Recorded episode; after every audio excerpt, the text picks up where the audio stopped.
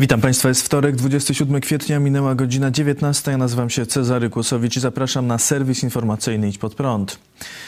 Premier Morawiecki dogadał się z Lewicą. Dziś rano Mateusz Morawiecki spotkał się z przedstawicielami Lewicy. Rozmowy dotyczyły głosowania nad Krajowym Planem Odbudowy oraz ratyfikacji tzw. Tak systemu zasobów własnych Unii Europejskiej, co jest warunkiem koniecznym, by Unia przekazała Polsce pieniądze z Funduszu Odbudowy. Polska miałaby otrzymać 23 miliardy euro w dotacjach oraz 34 miliardy euro pożyczek. Jak wskazywał premier, jeśli decyzja o zwiększeniu zasobów własnych Unii nie zostanie ratyfikowana, to zablokowany może być cały budżet Unii Europejskiej, z którego Polska ma otrzymać około 770 miliardów złotych. Przeciwny decyzji o zwiększeniu zasobów własnych Unii Europejskiej jest koalicjant PiS Solidarna Polska który wskazuje, że jest to droga do przekształcenia Unii Europejskiej w państwo federacyjne. Członkowie Solidarnej Polski podkreślają, że przyjęcie mechanizmu spowoduje, iż zobowiązania finansowe, za zobowiązania finansowe będą odpowiadać wspólnie wszystkie państwa Unii Europejskiej co znaczy, że Polska będzie odpowiadać także za długi innych państw. Pod koniec marca Patryk Jaki mówił: Uwspólnotowienie długu prowadzi do federalizacji, w której dla Polski jest przewidziane miejsce państwa drugiej kategorii. Wypłata tych pieniędzy będzie zależała od decyzji unijnych urzędników, którzy nie są wybierani w żadnych wyborach. Ograniczy to podmiotowość Polaków. Sprzeciwiamy się nowym rozwiązaniom ustrojowym, które są gwałtem na traktatach podpisywanych przez Rzeczpospolitą Polską. Solidarna Polska podtrzymuje swój sprzeciw. Wobec tego Prawo i Sprawiedliwość musiało szukać innych sojuszników w parlamencie. Dziś po rozmowach z Lewicą i posiedzeniu rządu premier Morawiecki ogłosił, że doszło do porozumienia. Rząd przyjął projekt ustawy o ratyfikacji zasobów własnych Unii Europejskiej i przekazał go do parlamentu, gdzie ma zostać przyjęty głosami PiS i Lewicy. To była kolejna dyskusja, którą przeprowadziliśmy z naszymi kolegami z ław opozycyjnych. Muszę zresztą podkreślić, że to był jedyny klub parlamentarny, od którego otrzymaliśmy bardzo kompleksowe propozycje. I my konstruktywnie i kompleksowo nad tymi propozycjami się pochyliliśmy. Debatowaliśmy we własnym gronie i mm, dzisiaj przypieczętowaliśmy uzgodnienie w kilku zasadniczych obszarach.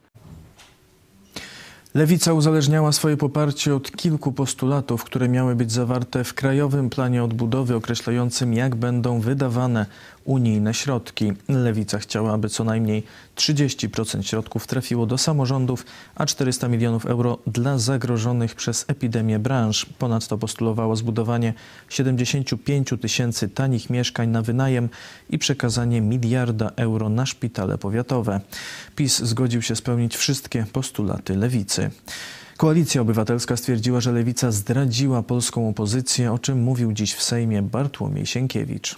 Rząd Prawa i Sprawiedliwości, który nie ma większości w Sejmie nad głosowaniem nad e, funduszami odbudowy, e, pozyskał dzisiaj nowego koalicjanta, jakim się okazała lewica. Rzecz idzie o pieniądze z Unii Europejskiej dla wszystkich Polaków. Rzecz idzie o to, żeby to były pieniądze dla wszystkich Polaków, a nie tylko dla Polaków z legitymacjami PiS. Proszę Państwa, my stoimy nas cały czas na stanowisku, że to jest rzecz, której polski rząd się ma Polakom wyspowiadać, jak chce dzielić te pieniądze. Dzisiejsze porozumienie lewicy z PiSem powoduje, że ten rząd nie będzie musiał się spowiadać, jak będzie dzielił te pieniądze. Dzisiaj lewica zdradziła opozycję, ale nie tylko zdradziła opozycję, ale także zdradziła w pewnym sensie demokrację w Polsce ponieważ jedynym miejscem konstytucji, zwyczaju i siły znaczenia tego wydarzenia, jedynym miejscem, w którym możemy o tym dyskutować, jest sala sejmowa, a nie gabinety w Sejmie chronione przez e, strażników, gdzie rządzący się dogadują z wygodnymi dla nich partnerami z opozycji. Koalicja Obywatelska w sprawie Krajowego Planu Odbudowy stawiała takie warunki jak 40% na regionalne plany odbudowy, dysponowanie środkami przez marszałków, gwarancje dla programów zdrowotnych na rzecz pokrzywdzonych przez COVID, czy wspólny rozdział pieniędzy przez rząd, samorządy i przedstawicieli pracowników i pracodawców. Na zarzuty opozycji odpowiadał Robert Biedroń z Lewicy. Ja mam nadzieję, że z podobną inicjatywą wyjdą koledzy i koleżanki z PSL-u, z Platformy Obywatelskiej, bo tutaj dzisiaj nie ważą się losy, tutaj, tutaj dzisiaj nie ważą się losy Morawieckiego, Ziobro czy Kaczyńskiego. Tutaj ważą się losy ludzi, Polek i Polaków, ich przyszłość. I ja chciałbym nie rozmawiać o przyszłości Ziobry, Kaczyńskiego, e, Gowina, ale chciałbym rozmawiać o przyszłości mieszkańców Słupska, miasteczka, Warszawy, Krakowa, bo to o ich los chodzi. Przedterminowe wybory na prezydenta Rzeszowa zostaną przełożone na czerwiec. Rządowe Centrum Legislacji opublikowało projekt rozporządzenia premiera, które mówi, że wybory następcy Tadeusza Ferenca odbędą się 13 czerwca, a nie jak pierwotnie zakładano 9 maja. Powodem zmiany terminu jest wciąż ciężka sytuacja epidemiczna. Przełożenie wyborów rekomendował główny inspektor sanitarny. Decyzję potwierdził premier Mateusz Morawiecki w tym czasie, kiedy cały czas mamy jeszcze e, tysiące zakażeń, po co doprowadzać do zwiększenia zagrożenia. Zaczekajmy jeszcze kilka tygodni do momentu, w którym fala opadnie jeszcze bardziej i bezpieczeństwo zdrowotne naszych obywateli będzie jeszcze lepiej zabezpieczone poprzez Narodowy Program Szczepień. Wtedy e, myślę, że kilka tygodni od maja należy liczyć w różnych miejscach w Polsce będą mogły się odbyć te uzupełniające wybory. Kościół luterański zażądał renowacji cmentarza w Nowej Wsi Ełckiej, zebrania szczątków i pochowania ich zgodnie z ewangelicką tradycją, po tym jak nakazem katolickiego księdza z pobliskiej parafii nagrobki ewangelickie na tym cmentarzu zostały zniszczone. Jak poinformował rzecznik prasowy diecezji mazurskiej ksiądz Wojciech Płoszek, w poniedziałek przedstawiciel kościoła ewangelicko-augsburskiego ksiądz Marcin Pysza spotkał się w sprawie zniszczonych grobów z księdzem Andrzejem Brygiem, który argumentował, że tworzy miejsce na nowe pochówki. Ksiądz katolicki miał twierdzić przed spotkaniem, że nagłośnienie sprawy jest celową nagonką i jako właściciel terenu miał prawo usunąć stare groby. Po spotkaniu przedstawiciele luteran poinformowali, jako przedstawiciele społeczności mazurskich ewangelików mieszkających na tej ziemi od setek lat wyrażamy swoje oburzenie sposobem, w jaki potraktowano cmentarz ewangelicki w Nowej Wsi Ełckiej. Jesteśmy zaniepokojeni, że takie praktyki stają się coraz częstsze i zmierzają do całkowitego zniszczenia oraz zatarcia mazurskiej i ewangelickiej historii tych ziem. Szczególną odrazę budzi fakt, że w ten sposób traktowane są ludzkie szczątki, które zasługują na szczególny szacunek, niezależnie od wyznania czy narodowości. Takiego przecież traktowania naszych polskich grobów oczekujemy chociażby od naszych zagranicznych sąsiadów, którzy mają na swoim terenie polskie groby. Sprawę zniszczenia nagrobków badają obecnie śledczy z Ełku. Jedną kwestią jest e, ujawnienie prawdy o tym, co się stało w, e, w samym laboratorium, a potem także pokazanie. 460 zgonów i ponad 5700 nowych zakażeń chińskim koronawirusem to najnowsze dane przekazane dziś przez Ministerstwo Zdrowia. Liczba osób zakażonych wymagających hospitalizacji spadła do 26 900. W użyciu przy leczeniu osób zakażonych jest obecnie 3041 respiratorów. Już 7 milionów 800 tysięcy osób otrzymało w Polsce szczepionkę przeciw koronawirusowi, w tym 2 miliony 600 tysięcy osób otrzymało dwie dawki. Już 3 miliony 140 tysięcy osób zmarło na całym świecie po zakażeniu chińskim koronawirusem. Taka jest suma danych podawanych przez władze państw. Niektórym krajom udało się już pokonać pandemię i życie powoli wraca do normy. W Nowej Zelandii zorganizowano koncert na 50 tysięcy osób, największy od początku pandemii. Władze zdecydowały o dopuszczeniu do organizacji imprezy ze względu na poprawiającą się sytuację epidemiczną. W Nowej Zelandii od stycznia dzienna liczba nowych zakażeń nie przekroczyła 30. W efekcie na koncercie nie było konieczne noszenie masek ani dystans społeczny. Tymczasem w Indiach sytuacja epidemiczna pogarsza się. Oficjalna liczba ofiar śmiertelnych wirusa zbliża się do 200 tysięcy. Armia indyjska ogłosiła, że będzie udzielała pomocy służbie zdrowia. Żołnierze mają zajmować się uzupełnianiem zapasów tlenu z rezerw armii i wspieraniem służby medycznej. W ciągu ostatniej doby potwierdzono w Indiach 323 tysiące nowych zakażeń koronawirusem oraz ponad 2700 zgonów. Agencja Bloomberg podaje jednak, że liczby zgonów mogą być bardzo zaniżone, argumentując, że w niektórych miastach dokonuje się więcej kremacji niż odnotowuje się zgonów. W wielu indyjskich miastach konieczne jest organizowanie prowizorycznych krematoriów w parkach i na parkingach.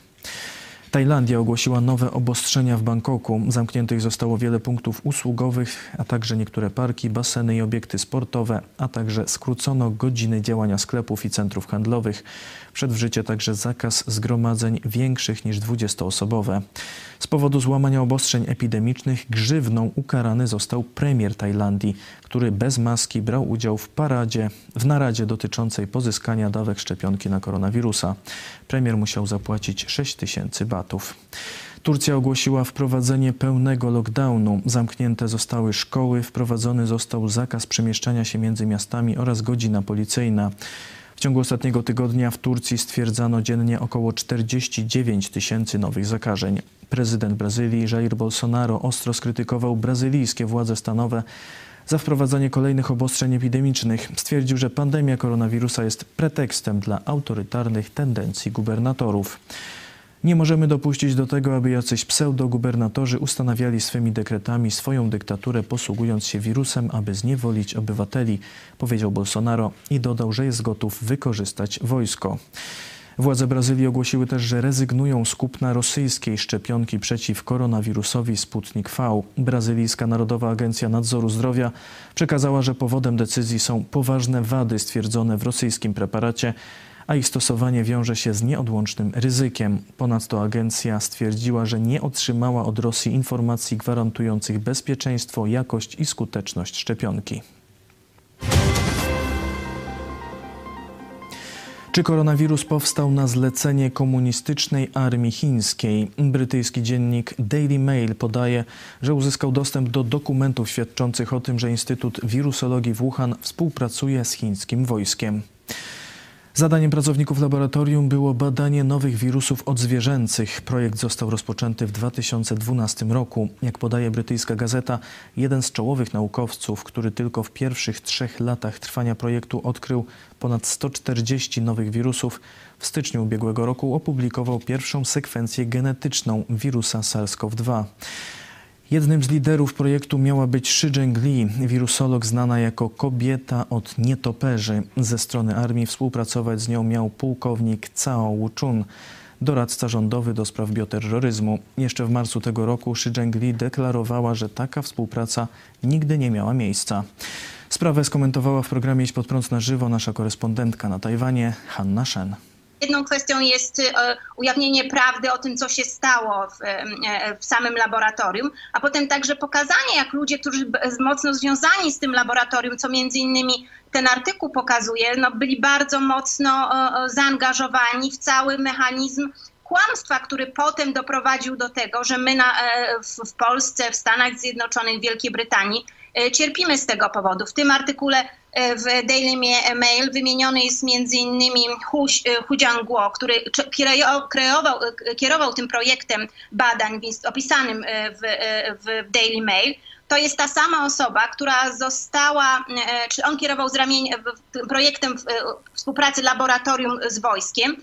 I on także został wysłany jako pierwszy, jako przywódca grupy, tej pierwszej grupy, która przyje, przybyła do laboratorium Wuhan po tym, jak już no, był, pojawiły się na świecie informacje, że jest jakiś niebezpieczny wirus e, w Chinach. To było gdzieś pod koniec grudnia, na początku stycznia on się tam udał z grupą naukowców i ogłosił e, całemu światu, że ten wirus nie przenosi się z człowieka na człowieka. W połowie stycznia zaś stwierdził, że to jest jakiś taki no, ograniczonym zasięgu wirus, jeżeli w ciągu tygodnia nie będzie zachorowań, to on się za chwilę, ta epidemia się bardzo szybko skończy. W tym samym czasie Chiny naciskały na Światową Organizację Zdrowia, by, by nadal kłamała, że wirus nie przenosi się z człowieka na, na człowieka. Za tym między innymi stał ten człowiek. Wspomnieliśmy także o pani Shi Zhengli i mówiła pani o tym, że ona jeszcze w marcu tego roku zaprzeczała że jakakolwiek jest współpraca jej laboratorium z wojskiem. Czyli widzimy, że to z jednej strony jest no fizycznie Chiny są odpowiedzialne za, za, te, za rozprzestrzenienie się tego wirusa, za powstanie rozprzestrzenienia się tego wirusa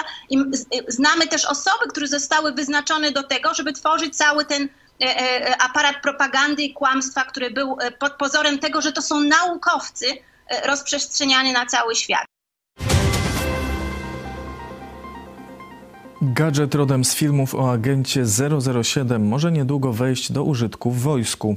W Holandii już testowany jest odrzutowy plecak. Marcin Palimonka.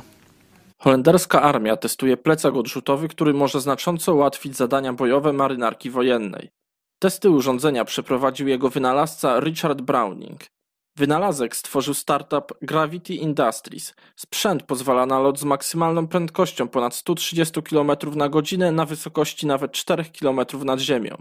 Normalny lot jest przewidziany jednak na wysokości kilku metrów. Silniki są zasilane paliwem lotniczym. Plecak jest wyposażony w pięć silników odrzutowych, po dwa na każdej ręce i jeden na plecach pilota. Silniki mają łączną moc 1000 koni mechanicznych. Plecak może być wykorzystywany na rynku cywilnym jak również w sportach ekstremalnych. Urządzeniem obecnie zainteresowane są służby ratownicze i wojsko. Ratownikom mógłby pomóc docierać do trudno dostępnych miejsc. W przypadku wojska umożliwiałby szybkie abordaże, jak również ekspresowe przemieszczanie się po polu bitwy, co bez wątpienia dałoby armii przewagę taktyczną. Poza holenderską armią urządzenie było już testowane przez brytyjską marynarkę wojenną. Armia Stanów Zjednoczonych również przygląda się plecakom odrzutowym. W przyszłości na polach bitew możemy mieć zatem do czynienia z kombinezonami latającymi. Samo urządzenie jest wciąż usprawniane, rozważa się dodanie do niego skrzydeł, aby jeszcze usprawnić lot. To wszystko w tym wydaniu serwisu. Dziękuję Państwu za uwagę. Kolejny serwis jutro o 19:00, a jeszcze dziś zapraszam na 20.30. Biblia w czasie zarazy, Ewangelia Mateusza. Do zobaczenia.